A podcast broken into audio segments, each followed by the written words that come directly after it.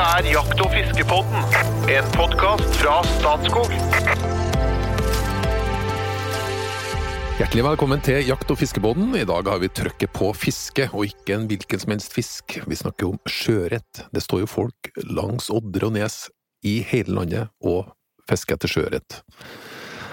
Og i dag har vi med oss en veldig interessant gjest, fordi eh, det finnes jo mye rosa bloggere i Norge. Og en som har liksom dratt det ut på fiskesida, det er jo Rosareke. Rosareka.no. Bjørn Tore Kjølholt. Hvor fikk du den ideen fra? Ja, det var vel egentlig ikke en, en idé, men et resultat av, av, hvem jeg er og hva jeg driver med. Ja. Jeg har jo en, en skrivelyst og en delelyst, eh, og så er jeg ganske enspora som person. Eh, Jeg fisker ekstremt mye, og fisker nesten utelukkende sjøørret. Så, så det ga seg egentlig, egentlig sjøl. Ja. Et eh, snevert tema på en eh, enkel sjel som ville dele. ja, men det er litt, det er litt grann uvanlig, ikke det? Ja, det er vel uvanlig det at, dere, at jeg deler. Jeg er veldig glad i å, å gi bort det jeg har lært. Eh, hvor jeg prøver å sette kunnskapen først. Eh, og for en blogger så er nok det litt uvanlig, eh, hvor veldig ofte så er det jo bloggeren som skal skinne. Eh, og kanskje noen fiskebloggere om den store fiskene, men for meg så er det, er det kunnskapen og, og, lysten om å dele og, og få folk ut som er, eh, er det givende. Men hvis vi går lenger tilbake, hvor starta denne fiskeinteressen din? Å, herre måne. Det er, eh, det er fryktelig mange år siden. Jeg, å, jeg er født og oppvokst på Hvaler, så jeg begynte å fiske sjøørret da jeg var seks-syv år gammel, kanskje. Mhm. Og så hadde jeg ørretfeber i en 15 år. Eh, kjørte moped fra Hvaler til Hemsedal, og har bodd i Hemsila i, i 15 år på rad. Så, så, det ligger jo en eller annen defekt her. Eh, en eller annen slags sykdom som, som blomstrer i fisket. så, ja. Og det er sjøørret som henger opp på det? Ja, det er ørret. Eh, Sjøørret og ørret Ja, ja. er den samme, samme fisken. Ja. Så det jeg egentlig har gjort, er jo å ta ørretfiske ut ut i havet. Eh, Prøve å, sammenligne de to fiskene. Og hvor mer jeg holder på med det, og hvor mer ivrig og interessert blir jeg i det. Mm. Espen Farstad, jeger og fisk. Du har uh, fulgt rosareke.no. Ja, dette, dette, er veldig, dette er veldig interessant og veldig utypisk norsk, bare for å ha sagt det. Og det, var, det, var, det var sånn jeg oppdaga Bjørn Tore, og at han hadde denne her bloggen hvor han altså har lagt ut eksakt hvor han får sjøørret i Hvalerskjærgården, som kanskje er et av Norges rikeste sjøørretområder. Han har lagt ut hvor han får fisken, på hvilke værforhold og årstider og alt sånn, sånn at du har på en måte full oppskrift liggende hos han på hvor du skal dra, når og hvordan. Dette er det ingen andre som jeg veit om som har gjort. Vi, hvis, jeg, hvis, vi er finner en, nei, hvis vi finner en fin fiskeplass, så første regel hold kjeft. Det er jo på en måte utgangspunktet. Det er jo sånn det er, ikke sant? Du sier ikke til noen. Det er hemmelig vann, og du snur bildene speilvendt på nettet, og du kaller det lortehølet, ikke sant? Og du holder på sånn. Dette var det stikk motsatte. Og dette, jeg ble veldig fascinert, fordi at jeg har vært i, jeg var i Montana i USA i 96, eh, og der har de en helt annen kultur.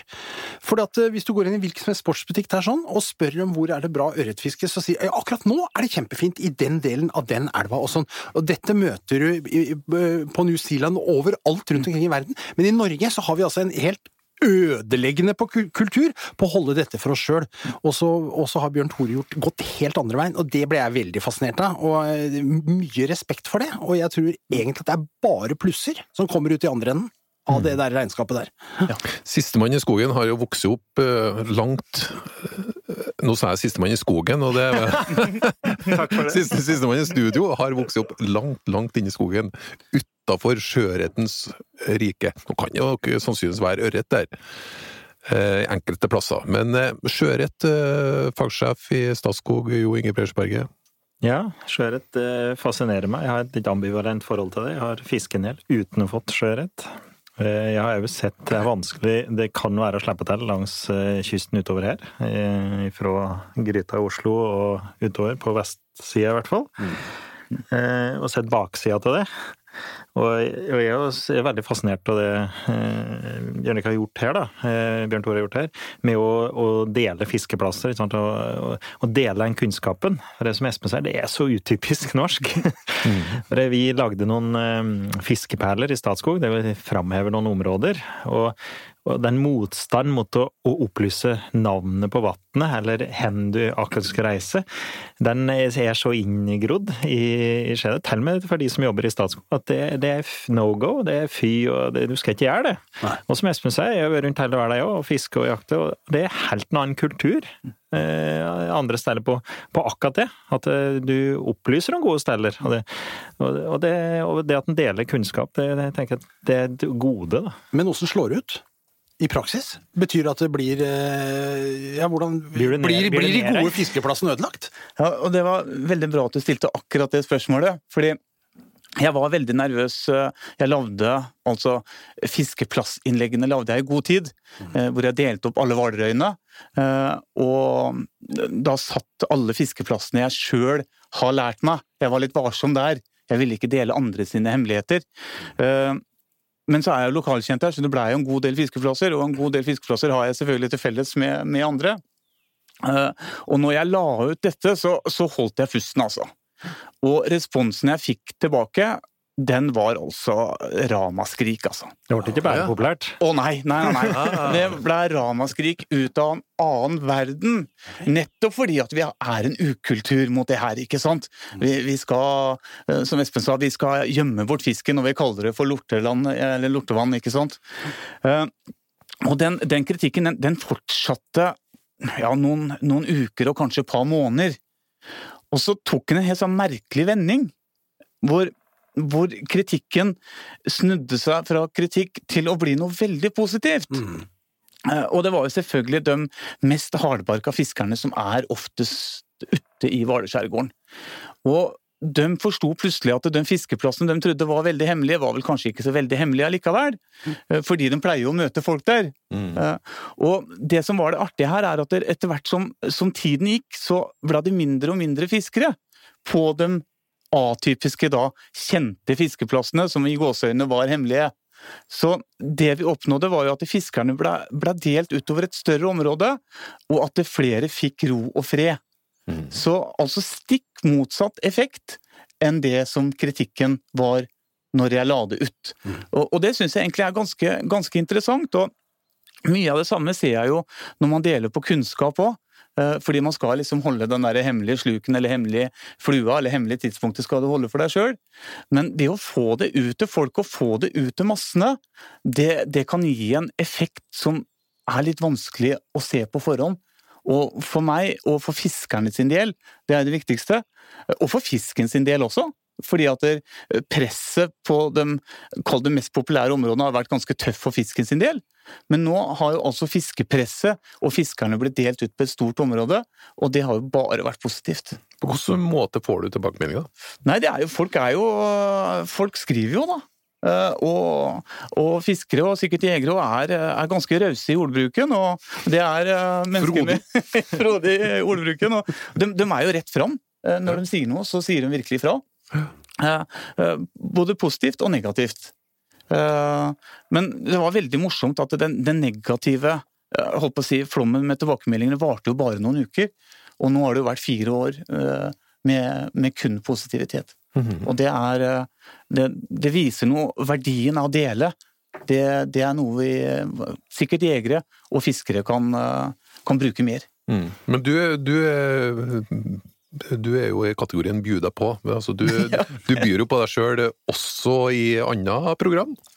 Ja, ja jeg, jeg er glad i å vise meg frem, altså.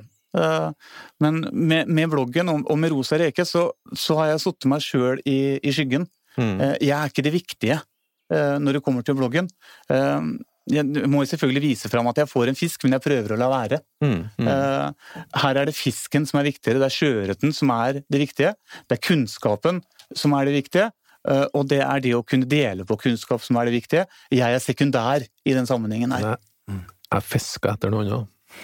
Om, hva sa du nå? Jeg fiska etter noe annet. Jeg fiska etter eh, reality-program. Jeg skjønte hva du fiska etter. Du- Jeg tok et politisk svar og snakka meg ut av det. Det er helt korrekt. Men jeg, jeg har også vært med på reality-program, ja. Fortell litt om det.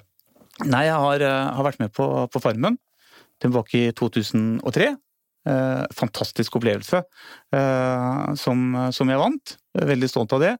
Og så var jeg også med i Robinson i 2003, eh, som jeg også vant. Ja. Eh, så jeg tror jeg har fem eller seks verdensrekorder i, i reality-sammenheng. Eh, og egentlig ikke så fryktelig hypp på å snakke om det. Ok, ok, ok, greit. Jeg, jeg, jeg, er mer, jeg er mer stolt av sjøørreten min enn Jeg er stolt selvfølgelig at det, det, det, er jo, det, det er jo en eh, veldig egoistisk ting, det å, å være med på, på reality. Men for meg så, så var det hele tida en utfordring om, om å vinne. Det psykologiske spillet, finne løsningen. Hva er det som skal til for å kunne, kunne klare det?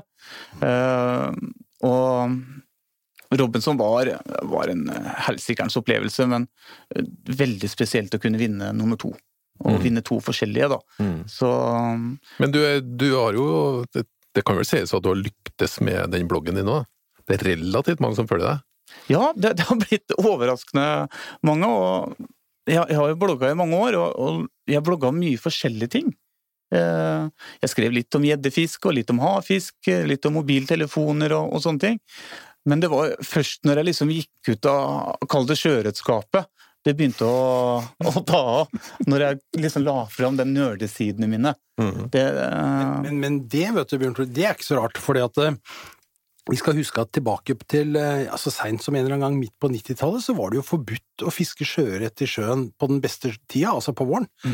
Så, så åpna man det regelverket, og da skjedde det jo egentlig en eksplosjon. Det var jo mange som hadde gått der og småtuska og fiska litt før det, vi skal jo ikke legge skjul på det.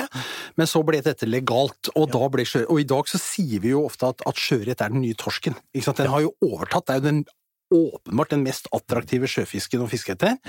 Spennende og alt dette er sånn. Og så øser jo du, da har du den delegreia di på områder. Men ikke bare på områder, for du deler jo også på kunnskapen. Ja. Og, og så er du en allsidig fisker. Mm. Du fisker ikke bare med flue. Nei. Du fisker også med alle disse andre bombardadupper og andre rare rariteter som folk er nysgjerrig på, ikke sant? Ja. ja. Jeg tenkte vi skulle, skulle inn på at vi, at vi kunne suge ut noen gode tips her òg, men over til han som jeg kom i skade for å omtale som en person som ønska seg tilbake til da onkel Lauritz var på radio, Jo Inge Bresjeberget. Ja. Eh, blogger og sånne ting. Jeg, jeg tør spørre, fins det tilsvarende blogger på jakt? Rosa elg? Ikke som har tatt uh, slik ut som det Bjørn Tore har gjort. Ik- Det vil jeg ikke påstå. Nei, det fins jo blogger, og det fins jo de som er dyktige der òg. Eh, og det er jo type Men kanskje de største type på Facebook, da, det, det er fora der folk deler erfaringer av det. Så, så jeg, har ikke, jeg har ikke funnet noen ennå som er i nærheten av det han har gjort på, på jakt.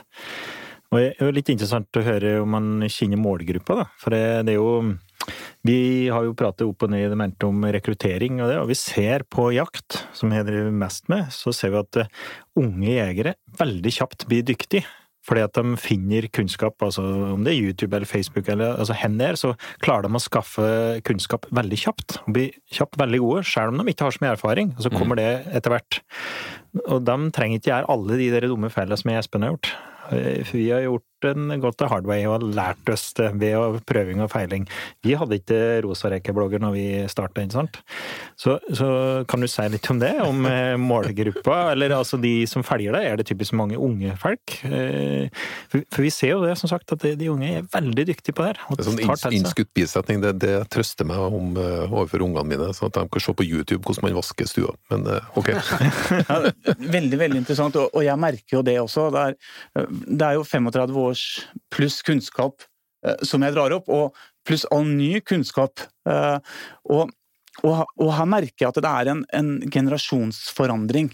Eh, For jeg merker jo også at fiskere som var kall det rookies for tre år siden, nærmer seg nesten profesjonelt nivå på rekordrask tid. Mm.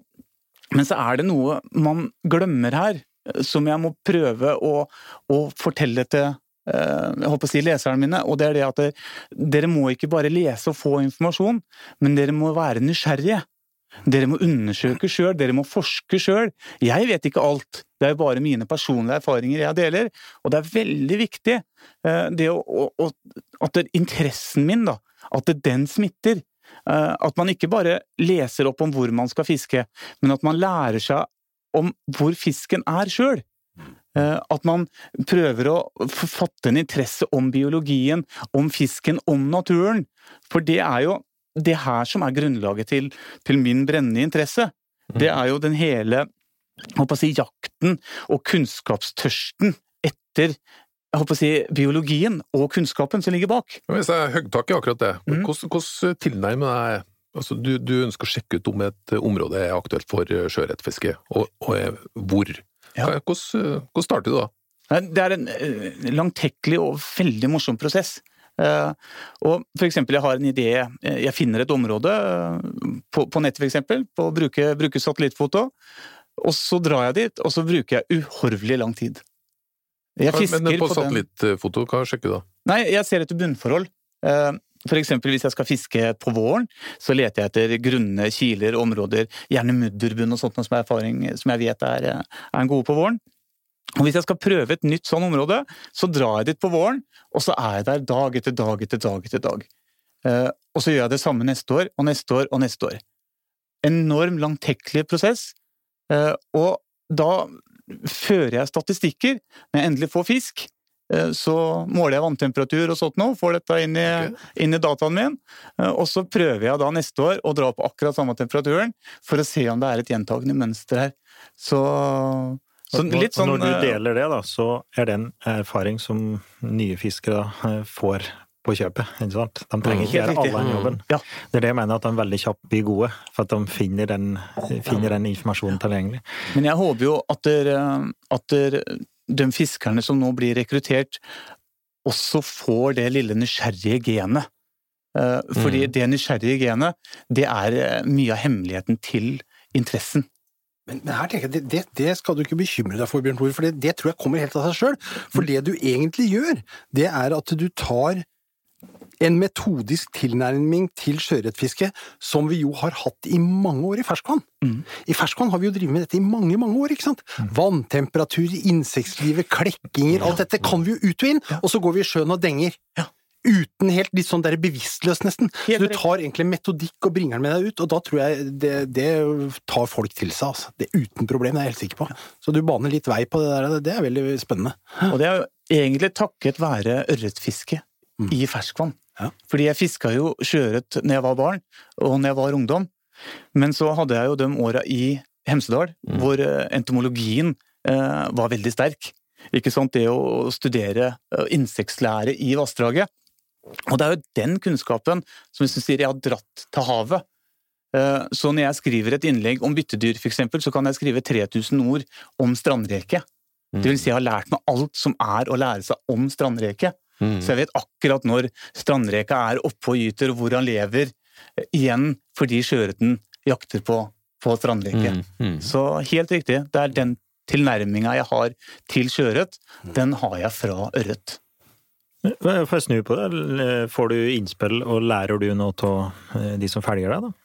Kommer de, Skjer det at du får noe nytt som Jøss, det har jeg ikke tenkt på, eller eh, det var et bra tips, eller eh, lærer du noe? Ja, Det var et herlig spørsmål. Og ja, og dem jeg lærer aller mest av, det er de helt nye fiskerne. De som ikke tenker at dette er dumt, eller Ja. feil, eller ja. Ja, fordi at det, og, og særlig de yngre, sånn fra, fra 10-12 til 16-17 år, og gjerne yngre òg, fordi de gjør så mye rart. De er så nysgjerrige. Eh, De prøver ut ting som en erfaren fisker aldri ville ha gjort, og de prøver områder som eh, ikke vi erfarne fiskere ville tenkt på. Og den nysgjerrigheten der, det er som en ren kunnskapsbank for meg, altså. For der kommer det plutselig noen tips som jeg ikke er i stand til å kunne, kunne finne ut av sjøl. Så jeg er veldig nysgjerrig å få tilbakemeldinger fra dem, og heldigvis den generasjonen her er jo veldig glad i å dele. Så tusen takk til alle de unge følgerne, dere er til stor inspirasjon, altså. Hvor ofte fisker du? Så ofte jeg kan. Ja, og det Jeg, jeg fisker stort sett hver dag. Ja, du gjør det. Jeg er veldig heldig. Jeg jobber på et fyr, så jeg bruker båt oh, ja. til jobb, og jeg bruker båt hjem. Så jeg kan fiske hele tida. Ja. Jeg har en sånn mistanke om at livet ditt er noe som er omkransa rundt fiske, liksom. Det er det ja, fiske er eh, det, det er en god del av meg, altså. Ja. Er, jeg tenker nok på å fiske 17 timer av de 24 døgna, altså. Det, Men hva, hva, hva gjør du normalt sett? Tar du med fluestanga og går på en kjent plass, eller hva, er vanlig, vanlig opplegg? jeg er litt sånn litt nerdefisker, altså. Så jeg, etter hvert som åra går, så, så går jeg sånn veldig vitenskapelig til verks. Det vil si at jeg har stort sett et mål uh, på en dag. Eh, og det målet er ikke nødvendigvis for å få fisk. Altså, det er kunnskapsbygginga som er Ja. det store til deg? Ja, Mm jeg jeg er ute og teller eksempel nå for eh, det er fire-fem dager siden, så jeg har sånne firkanta metallrammer som jeg senker ned eh, på havbånd, eh, og sitter da med vannkikkert og, og teller tettheten av nå var det krepsdyr da, Ja. per kvadratmeter. Og, og det er like givende for meg som å få fisk. Altså da sammenligne dataen med i fjor, for å se om tettheten er like stor på samme tidspunkt og vanntemperatur som i fjor. Det er en fiskedag for meg. ja. Fortell, hva har du fått ut av det?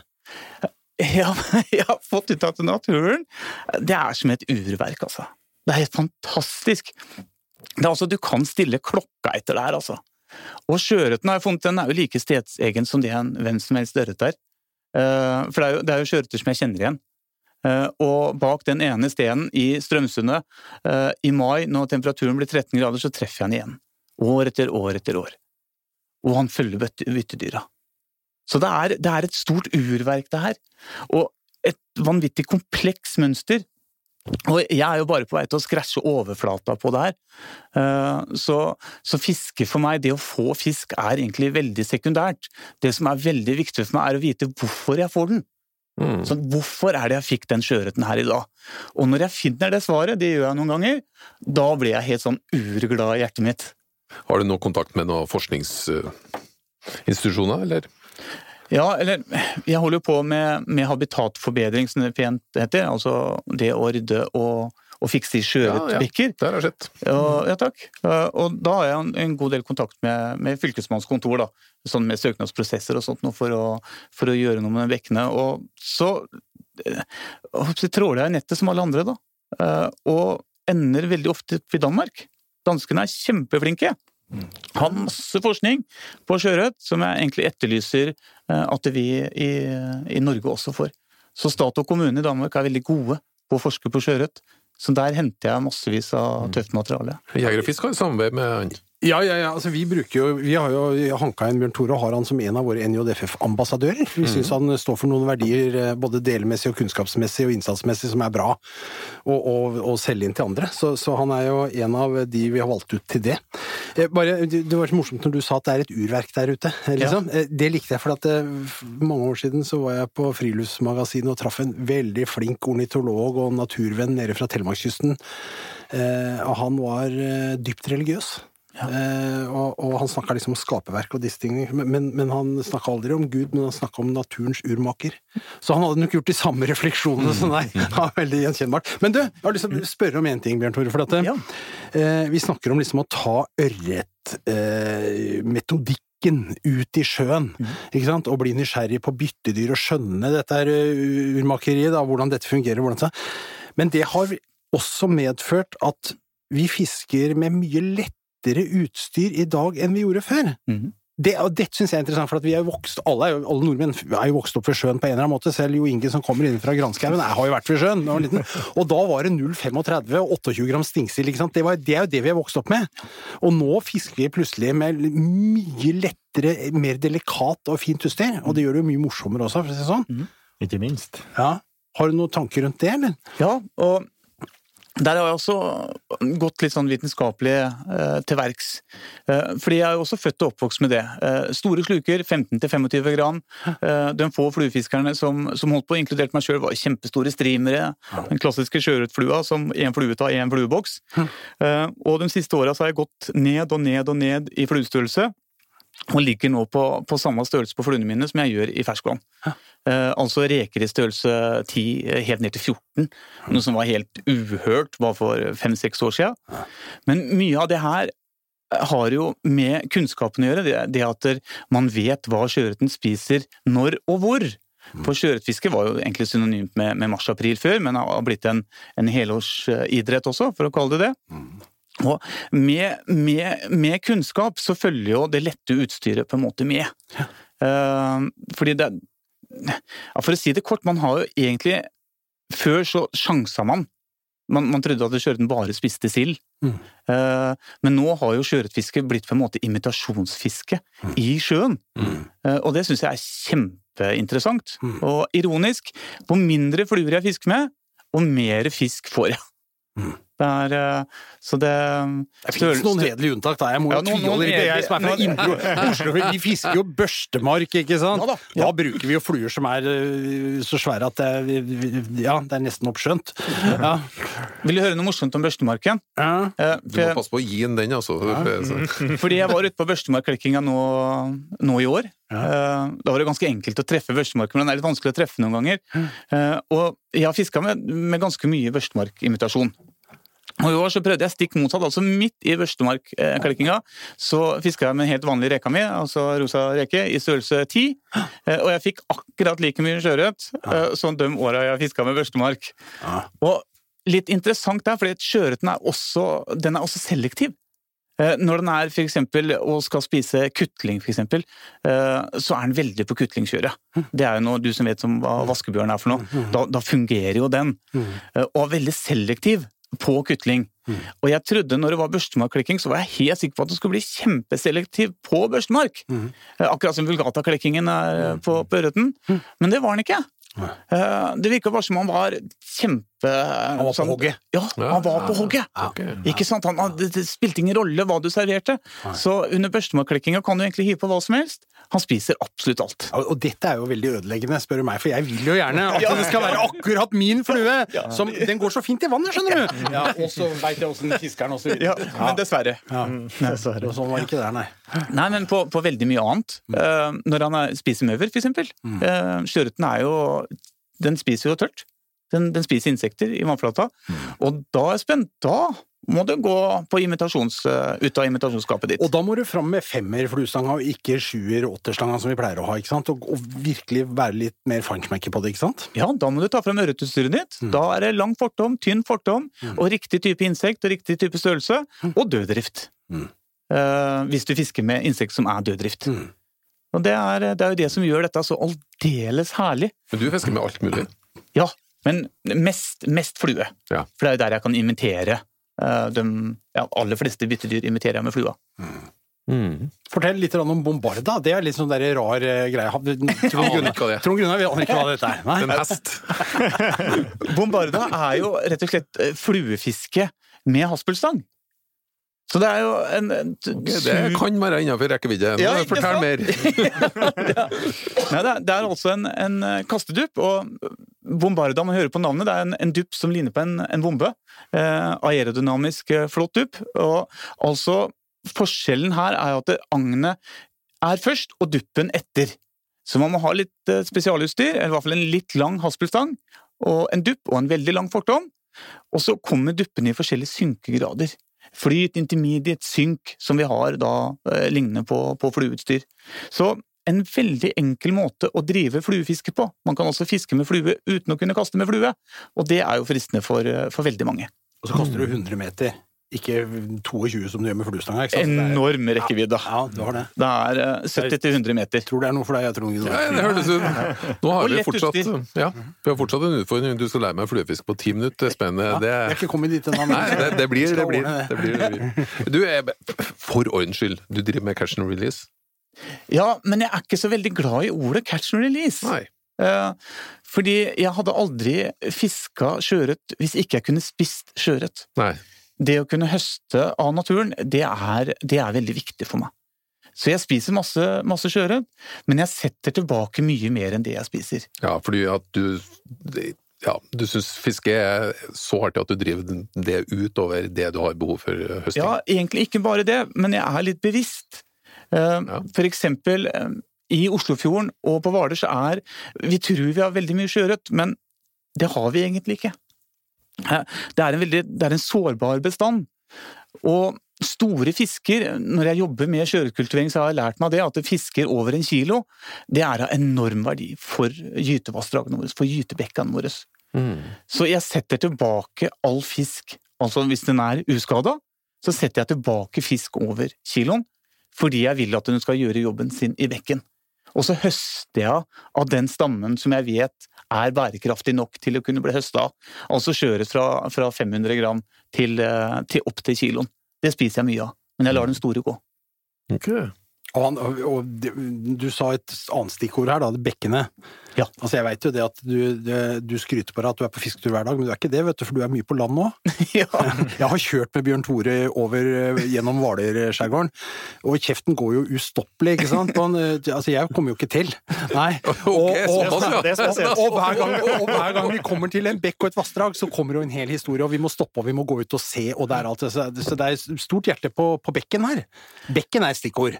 Ja, det er, og, og nå er jo Høytiden er jo nå. Eh, Nå er det julaften og nyttårsaften og alt på en gang, for nå er det jo gytetid. Og, og nå er jeg altså i bekkene hele tiden. Eh, og det eneste jeg tenker på nå, rett før jeg kom inn i den studioet her, uh, så sjekka jeg værmeldingen nok en gang for å se på nedbøren. Uh, og hoppa nesten i taket, for nå er det meldt nedbør nesten en uke. Og nå kommer sjøørreten også. Det er bra. Og det her, ja, han elsker jo? Det, det må jo fylles på med vann i, på riktig tidspunkt, og, og nå skal jo sjøørreten opp på gyte. Nå har vi jo jobba med, eh, med alle bekkene, vi har åtte bekker på Hvaler. Og nå har frivillige med meg gått gjennom alle bekkene og fjerna hindringer. Vi har lagt ut eh, gytegrus eh, på noen av dem, og, og lagt til rette for at sjøørreten skal gyte. Og det her er jo altså Det er jo helt herlig, for man er med fra starten av. Ikke sant? Jeg, jeg føler noen ganger at jeg er med på, på fødselen, da. Ikke sant? Til sjøørreten, og helt til jeg fanger den i håven. Og det, det er altså helt Det er for gåsehud, jeg bare trekker om det nå. Men det er åtte, dere har en kartlegging på Hvilken type bekker er det som er inn, innafor? Overraskende små. Ja. Eh, og for å ta en lang historie kort, at det, de fleste bekkene er jo borte. Eh, vi har mista dem. Eh, mye av en kanskje litt misforstått landbrukspolitikk. Eh, på 70-, 80-, 90-tallet skulle vi utvide landbruket vårt eh, på Østlandet, og la da fryktelig mange, altså 18 mil med sjøørretbekk bare i Østfold ble lagt i rør, eh, for å utvide landbruket. Eh, Og man tenkte da ikke på sjøørreten, heller ikke på åren for den saks skyld, som også har stor nytte av å gå opp i, i bekkene her. Eh, ironisk nok så ble jo åren freda bare noen år etter at alle bekkene har blitt lagt i rør, så ting henger jo sammen her sånn. Eh, og det arbeidet da med å, å habitatforbedre, og det betyr jo å gjøre bekkene eh, naturlig igjen, få tilbake den naturlige balansen i bekken, det er jo et enormt givende arbeid, altså. Og kjempeeffektivt. Kan du si litt om hva du gjør, da? Med habitatforbedringa? Her, her består den i? Ja, det er, det er egentlig ganske enkelt. Eh, For det første må det nevnes at man kan ikke bare gå og gjøre det her. Eh, Man må ha grunneierstillatelse, og man må ha fylkesmannstillatelse. Så det er jo mange års erfaring som jeg har her. Eh, Jeg er medlem i, i, i et råd som heter Laks og sjøørret på Østlandet, eh, hos fylkesmannen, og jeg har fått masse, masse kunnskap. Eh, Men i prinsippet så er det enkelt. Man rydder altså rett og slett bekken, det er det enkleste. Man tar bort hindringer. Altså, eh, det kan være naturlige hindringer, søppel f.eks., som har datt ut i, i bekken. Eh, Det kan være kvisthauger, vi kaller det for beverdammer, selv om ikke det er bever der. Rett og slett hindringer som hindrer sjøørretene å, å komme opp. Eh, Og så lager vi jo bekkene bedre, fordi mange av dem har blitt retta ut, de har blitt gravd opp, de har blitt drenert. Eh, Altså så sjøørreten ikke har noen gyteplasser igjen. Eh, Vi planter kantvegetasjon, jobber for å verne kantvegetasjon. Vi bygger f.eks. puler, eller dammer, da, slik at yngelen kan overleve der. Og øke vannhastighet osv. osv. Der kan jeg fortsette en helt egen podkast, tenker jeg. Men dere, dere, dere gjør jo dette på frivillig basis. Men det er jo noen kostnader. Dere skal kjøpes sin gytegrus, kanskje det skal være en gravemaskin på plass, eh, ting, ikke sant. Altså, eh, og her har jo ikke grunneieren noe interesse, altså ikke noe økonomisk incitament for å gjøre det. Hvis du er grunneier i en lakseelv, så vil du gjøre det fordi at du kan selge fiskekort etterpå. Ja. Det er ingen som fisker i disse bekkene, for de er så små, ikke sant? Ja. Får du penger fra fylkesmannen? Ja, uh, vi får penger fra Fylkesmannen, men mye mindre enn uh, en behovet. Eh, På Hvaler så har vi som sagt åtte bekker og har fått til to. Eh, Det er begrensa midler, det er mange bekker, og altfor lite penger. Og Espen, du sier egentlig noe som er veldig interessant, for grunneier har ikke noe interesse over å ha en, en sjøørretbekk på tomta si. Det er heller tvert imot. Fordi eh, sjøørretvassdraget spiser opp landbruksarealet, og det kan være til hinder for grunneieren. Så det her er jo en, en dialog man har med grunneieren, og det, det er kanskje noe av det vanskeligste prosessen, er jo å legge fram det her til grunneier, og skape en forståelse eh, over verdien til grunneier. Og der har jeg funnet det at drenering, da snakker vi veldig samme språk. Hvis jeg bruker regelverk og lovverk, så får vi brått en grunneier som egentlig ikke bryr seg i hele tatt. Det har jeg full forståelse for. Men hvis vi snakker med grunneieren på de riktige premisser, eh, det vil, at det, det vil si at vi f.eks. kan hjelpe slik at bekken drenerer jordet hans bedre, så snakker vi samme språk. Mm. Og rett og slett skape en, en verdi av arbeidet vi gjør for grunneier. En reell verdi for grunneier. Og da har vi en dialog som er fruktbar. Burde ikke dere satt opp eh, skilt langs alle disse bekkene hvor det står at her har vi i samarbeid med velvillig grunneier eh, lagt til rette for eh, gyting for sjøørreten? Hilsen Hvaler jeger og fisk og, og... Jo, men jeg- jeg- Så spør grunner da, vet du, Jo, om å få satt opp så- Jo, men vi ler litt av det, ikke sant? Men det var sånn Det er akkurat det samme. I gamle dager så var fiskeplassene hemmelige. Jeg skulle ikke fortelle om det. Du skal drive med en delekultur, sier du. Ja, da må du dele denne kunnskapen nå, for folk som er ute og går med laboratorene sine i vannkanten, sier at her står et lite skilt. Ja, akkurat da! Så dette er en sjøørretbekk. For det veit jo ikke folk. For den sjøørretbekken er jo bare marginalt større enn det A4-arket som ligger foran oss på bordet her, ikke sant? Så folk veit jo ikke dette!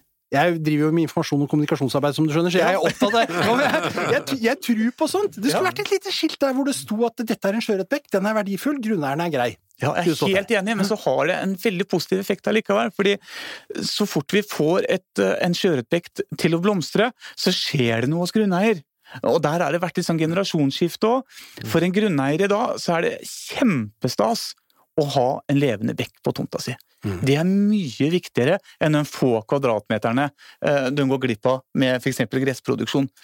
Og det er noe de skryter eh, medvillig av til, til alle, så vi bør egentlig ikke ha noe skilt.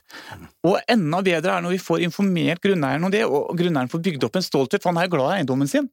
Eh, Grunneieren er glad i alt som egentlig bor og gror, og særlig når man gjør grunneier bevisst på det her.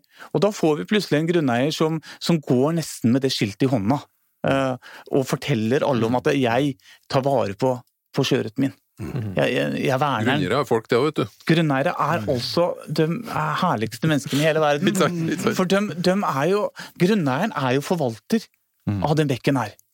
Eh, og det som er på en måte min jobb, er jo å gi min kunnskap til grunneier, så grunneier eh, ser verdien, eller enda større verdi, da, av å kunne ha en, en bekk på, på tomta si. Nei, du har ekstrem lokalkunnskap. Har du vært Ja. rundt omkring i Norge og testa sjøørretfiske? Ja, jeg bruker båt veldig mye, og, og, og reiser fra, fra Hvaler og helt inn, helt inn i Oslofjorden og over til Sandefjord, og, og nedover i Sverige er jeg også ganske ofte. Men Hvaler er 5000 øyer, holmer og skjær. Eh, Jeg, har en god del eh, Du har nok. Ja, ja. Jeg, har- jeg har flere flere. Hvordan er fisket på Sørlandet, Vestlandet, Midt-Norge? Altså, sjø. Sjøørretbildet i Norge er veldig, er veldig uh, ulikt fra landsdel til landsdel. Altså, tradisjonelt så har jo sjøørreten vært der og levd i skyggen av laksen. Eh, og har aldri egentlig vært ordentlig verdsatt. Noen få steder, noen elver har det vært, liksom, altså, Aurland har det vært, ikke sant, og det har vært noen sånne steder. Men det har jo vært et fantastisk rikt sjøørretfiske uh, som folk har brukt eh, langs hele kysten, ikke minst nordpå. Nå er situasjonen sånn at uh, i Sør-Norge, la oss si ned til Lindesnes liksom, så er, det- er det bra sjøørretfiske, og det er mye fokus på sjøørretfiske, for den har jo erstatta et dårlig torskefiske og mye annet, som vi snakka om tidligere. Her er det bra fokus på sjøørreten. Så treffer vi lakselusområdene på Vestlandet. Og her lider sjøørreten, og mange steder så er, er, er jo områdene freda mot alt sjøørretfiske i den viktigste fiskeperioden, eh, fordi at eh, oppdrettsvirksomheten medfører mye lakselus i sjøen. Sjøørreten går i denne lakselusa hele året, og dette har gått knallhardt utover sjøørreten. Ja, Eh. Skulle hatt- skulle hatt mer oppmerksomhet. Og dette avtar litt når du kommer lenger nord, men, men den problematikken er hele veien. Men eh, det er sjøørretfiske i hele landet. I Ja da. Ja, det er, og et, ålreit sjøørretfiske, altså, men vi ser jo der eh, den siste ti årene at det, det har skjedd noe dramatisk eh, langs eh, norskekysten når du kommer fra ja, Kristiansand og nordover, egentlig. Spesielt eh, Sognefjordområdet, og, og nå så begynner det å spre seg nordover også. Jeg så du hadde intervjuet en del kjente fiskere på bloggen din, og Asker Alvestad hadde uttalt at eh, en, eh, det største trusselen da, med oppdrettsnæringa på Vestlandet får sjøørreten. Ja. Så han oppfordres til å slutte å ete oppdrettslaks. ja, Men, men er, kan du dra det så langt? Altså at det er den største trusselen mot sjøørreten på ja det, er, det er litt vondt å si det, men, men svaret mitt er ja. Eh, det er Oppdrettsnæringa har masse utfordringer foran seg, som de må løse. Eh, Om de ikke løser dette innen rimelig kort tid, så går sjøørretstammen til dundas. Det er noe, det er ikke noe spådom, men er, jeg kan si det med, med ganske stor sikkerhet, at hvis ikke det blir full skjerpings, så mister vi sjøørretvassdragene nordover i, i landet vårt. Uh, og det er litt synd, fordi som Espen sa, det, den havna jo i skyggen, eller er i skyggen av laksen. Og det er jo fordi at laksen har jo en verdi i vassdraget. Det har ikke sjøørreten, eh, og det lider den av. Men verdien er jo akkurat like stor, om ikke større, fordi sjøørret er, for meg, er folkets fisk. Den kan vi fiske alle sammen. Vi bør ikke kjøpe noe dyrt fiskekort, vi bør ikke sette oss i, i kø. Uh, hele Norge kan gå ned i kysten og, og nyte den der fantastiske sportsfisken. Og av nasjonal verdi så er jo den på høyde med laksen, om ikke større, når du spør meg, fordi det er en fisk til folket. Så vi må ta vare på den. Så her er det flere som må skjerpe seg litt. Jeg har veldig lyst til å utfordre deg litt, rann, eh, Bjørn Tore, på litt sånn hardcore fiske, da. Sjøørretfiske. Ja. For å komme litt liksom, til, til kjernen i det vi snakker om her. Meninga med livet. Og over Ja. til fiske. Hvis jeg deler inn året i fire, hvis vi sier vintersesong, vår, sommer og høst Du sitter på Hvaler, her er det 5000 øyer, som du sier. Det betyr at du kan fiske deg rundt på innsida, utsida, ta hensyn til vær og føre og alt mulig sånt. Kan ikke du si meg, vintersesongen, hvor finner du fisken da, og hva fisker du med? Og så går du gjennom de sesongene litt. jeg Du trenger ikke bruke en ny podkast på det, men eh, korte tips. Ja, jeg kan ta liksom det, det viktigste. Og på vinteren, som vi begynner nærmest nå, så kan man egentlig tenke på Rune Rudberg eh, og den sangen Ut mot havet. Eh, Jeg tenkte på noe annet, når jeg- men det er greit. Ja. Vi var ferdig med gytinga, så det er greit. Ja. Rune Rudberg i en ny, ny setting, men det er også ut, ut, ut mot havet. Eh, Om vinteren så har du egentlig to valg. Enten så må du fiske i de helt grunne områdene, eh, altså veldig likt vår, som er eh, lerebunn og type område med, med siv. eh, Grunt, gjerne innslag av, av ferskvann. Eller du må ut. Og når du går ut mot havet, så er sjansen stor for at du treffer de virkelig store sjøørretene. Så hvis du skal sette en personlig rekord på sjøørret, så er sjansen absolutt størst på vinteren. Og utaskjærs. Et veldig kort tips på vinterfiske er å være tålmodig. Du må finne en god plass, eh, og det er gjerne en plass Den der berømte leopardbunnen er veldig god om vinteren, men det må være leopardbunn som vender ut mot havet. Eh, Altså dypere vann. Fordi sjøørreten er som en ørret, den er ikke noe glad i kaldt vann. Og er det tre-fire grader i vannet, så kan den ikke være i overflata fryktelig lenge. Eh, Han klarer rett og slett ikke, han har ikke egenskapene, den fysiske egenskapene til å kunne være i overflata lenge. Så det sjøørreten gjør da, at den dykker opp og ned i vannlagene. Den dykker ned sånn på ja, fra 10 til helt ned i 60-70 meter, faktisk. For å justere kroppstemperaturen, få opp kroppstemperaturen. Og så går den opp på de grunne områdene for å jakte, og der blir den bare kvarter 20 minutter. Hva jakter den på da? Da, da jakter den egentlig på alt han kommer over. Ok, så da hvilket smedsluk vil duge her, liksom? Ja, Helt smått. Eh, For, for sild og brislingen den er jo ikke inne på grunna eh, på den tiden av året. Okay. Så da er det reker, kutlinger og annen type småfisk. Være vi tålmodig, ut mot, ut mot havet, og, og, og små, smått agn. Ja, helt riktig. Ned, ned på djup. Nei, Nei, på nei, vi fisker ikke djupt. Nei, Nei, nå er jeg på, på jeg dypet litt- så Jeg syns du snakka om at fisken gikk Ja, djupt nå. men så kommer den opp Ja. for å beite, og da skal du være der. Derfor Det er da det skjer. Sjøørreten spiser ikke, ikke på dypet, uh, og det vet vi takket være en dansk forskningsrapport. Uh, uh, På dypet så står den bare helt rolig og venter til kroppstemperaturen har blitt lik som vanntemperaturen rundt, altså 10-12 grader kan det fort være der nede, og så flyr den opp for å jakte. Altså som en jojo. Eh, Og det gjør den på dagtid, og på nattestid så ligger den stort sett eh, på bunn, på dypet, og slapper av hele natta, som oss. Men så blir det våren. Og så blir det våren. varmere i vannet. Ja. Og, og våren Jeg deler jo vår opp i ja, kanskje opp i seks kategorier i forhold til vanntemperatur, men det klassiske vårfisket er jo også grunt. Det er inne i kilene. Ja. Eh, gjerne områder der hvor, hvor det ligger is, og akkurat når isen går, så starter jo på en måte vårfisket. Eh, gjerne tre, fire, kanskje til fem, seks grader i vannet. Og det er jo det som er det berømte eh, jeg håper å si, sjøørretfiske i Norge. Det er jo tidlig på våren. Eh, veldig overvurdert fiske, syns jeg. Eh, det, er, det er lett å få fisk da, men han, han er jo litt tynn. Han er litt sliten. Eh, men det er lett å få den. Det beste vårfisket for meg er uti mai. Når det blir 8-10-12 grader i vannet. Da, da syns jeg det er spennende. Da flytter sjøørreten seg litt lenger ut, og er å treffe på den berømte oddene hvor det er strøm og i Strømsund og sånt noe. Eh, gjerne i forbindelse når sild og brislingen begynner å, eh, å komme opp på overflata. Sild, brisling, reker og børstemark. Og børstemark. Ja, da har du våren, liksom. Da har du våren. Mm. Og så har du sommer, og der har jeg en sånn veldig nerdegreie. Vil dere høre det? Inne. Ja. Overraskende. Ja. Fordi, som dere har skjønt, så, så liker jeg å forske på ting. Eh, og det å forske på ting er Det er jo morsomt, men det er veldig morsomt når du klarer å finne et svar. Og sommeren har vært et sånn derre det er et ordentlig mysterium for meg, altså. For jeg har visst hele tiden at, den, at sjøørreten den, den jakter jo på grunna. Den eter jo ikke på dypet. Og så vet jeg at sjøørret er en ørret, den er ikke noe glad i varmt vann. Så det har vært vanskelig for meg å fiske sjøørret på sommeren. Men for noen år siden så, så traff jeg altså ja, Kall det løsningen, da, eller knekke koden, som noen kaller det. Og Da hadde jeg plukka meg til seks-sju områder som jeg hadde fiska år etter år etter år på sommeren. Og så fant jeg ett type område som da var en gjentagende prosess. Det vil si at i det ene området, det ene habitatet her, der fikk jeg sjøørret år etter år etter år på sommeren.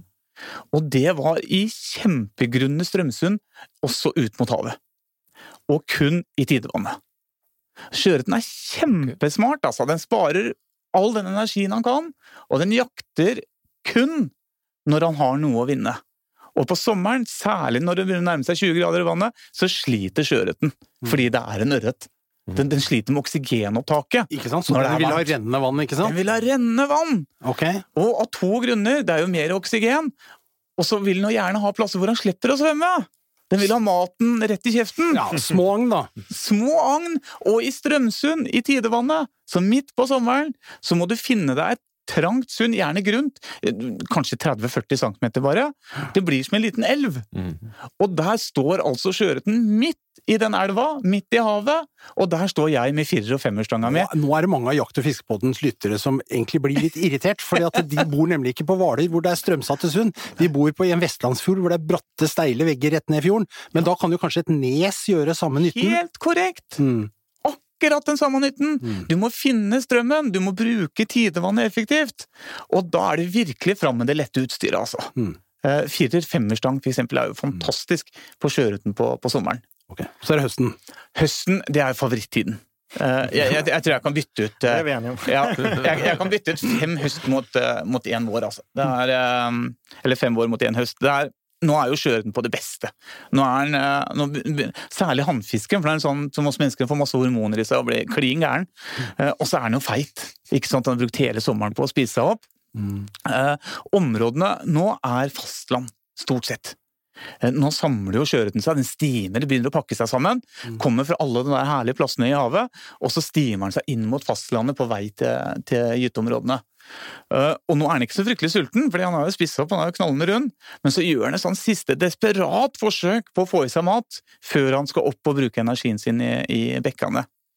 Og høsten så går jeg altså inn eh, mot fastlandet, og gjerne strender. Eh, også grunne områder. Jeg fisker fra, fra to meters dybde og inn. Eh, gjerne der hvor badegjestene var på sommeren. Det er på denne tida du er på badestranda. Ja, nå, nå bader jeg. Ja. Ja, nå var ikke jeg rundt der. Da, da bruker du ikke båten, da vader du langs land, da. Ja, det er eh, Og så har jeg funnet at jeg får ofte mer fisk eh, fra land. Det vil si, Sjøørreten liker bedre at agnet kommer utenfra havet og inn, enn motsatt. Ja, for da er de i ferd med å forsvinne inn i tangen, så da angriper han. Ja. Det er min teori Ja. på det. Altså. Ja, jeg tror at det er han, han, helt blir, han blir stressa så han tar det. Ja. Og så en, jeg håper å si en reke som er på vei ut mot eh, dypet. Ja. Sjøørreten gidder ikke. Nei. Han må tenke dæven, den der, den, den uh, lekkerbisken der blir borte. Den karamellen den forsvinner fra meg, så den gidder jeg ikke å bruke energi på. Mens ting som kommer svømmende inn, dem, eh, dem tar den. Kost-nytte, konsekvent kost-nyttevurdering. Hele tiden! Hele tiden. Det er derfor ørreten er så selektiv når det er klekking av f.eks. døgnfluer. Ikke sant? Fordi det er mest effektivt å ta den flua som klekker akkurat der og da. Så det er, høst, det er høstfiske. Får du ikke litt lyst da, Trond? Jo, jo, jo, jo, jo, jo. Så syns jeg det er litt fascinerende å sitte og se på deg, da, for du Det er jo et engasjement her som er jeg- syns det er men- kjempegøy! det, Ja. det som er artig, da, det at jeg, jeg syns jo du er veldig langt over snittet engasjert på Særlig når det kommer til fluefiske, og for så vidt skogsfugljakt, men hvis vi holder oss på fluefiske nå det, det er liksom, jeg, jeg har ikke merka mange som er mye mer engasjert enn deg, men det var helt til dagens gjest. Ja. Jeg syns du- engasjementet ditt har blekna litt i Ja. løpet av den Du syns jeg visna litt på denne siden av bordet? Ikke sant, ikke sant. Ja, men det er bare hyggelig. Nå bor det faktisk en, en sjøørret til på bordet her, altså. Og, og Espen er, er Ja, en ja, av dem. ja. Ja, ja, men jeg følte han ble overgått i dag. Det. Det er bra. Det er bra. Dyktig sjøørretfisker. Men det, det er ikke sånn altså, Jo mer du lærer om det her, jo større blir interessen, virker det som. Ja, det er fordi at man, man får en, en dybdeforståelse av det. Eh, eh, det at ting henger sammen. Eh, og hvor mer jeg eh, håper å si, eh, ja, hobbyforsker i eh, både i bekkene og i havet, eh, hvor mer spørsmål er det jo som dukker opp. Og det er jo baksiden av medaljen her, ikke sant? At det, tar jo aldri slutt. Mm. I år så har jeg vært på brislingkjøret, og det brislingkjøret kommer jeg til å være på neste år òg. Har jo lært masse ting om brislingen som jeg ikke visste om.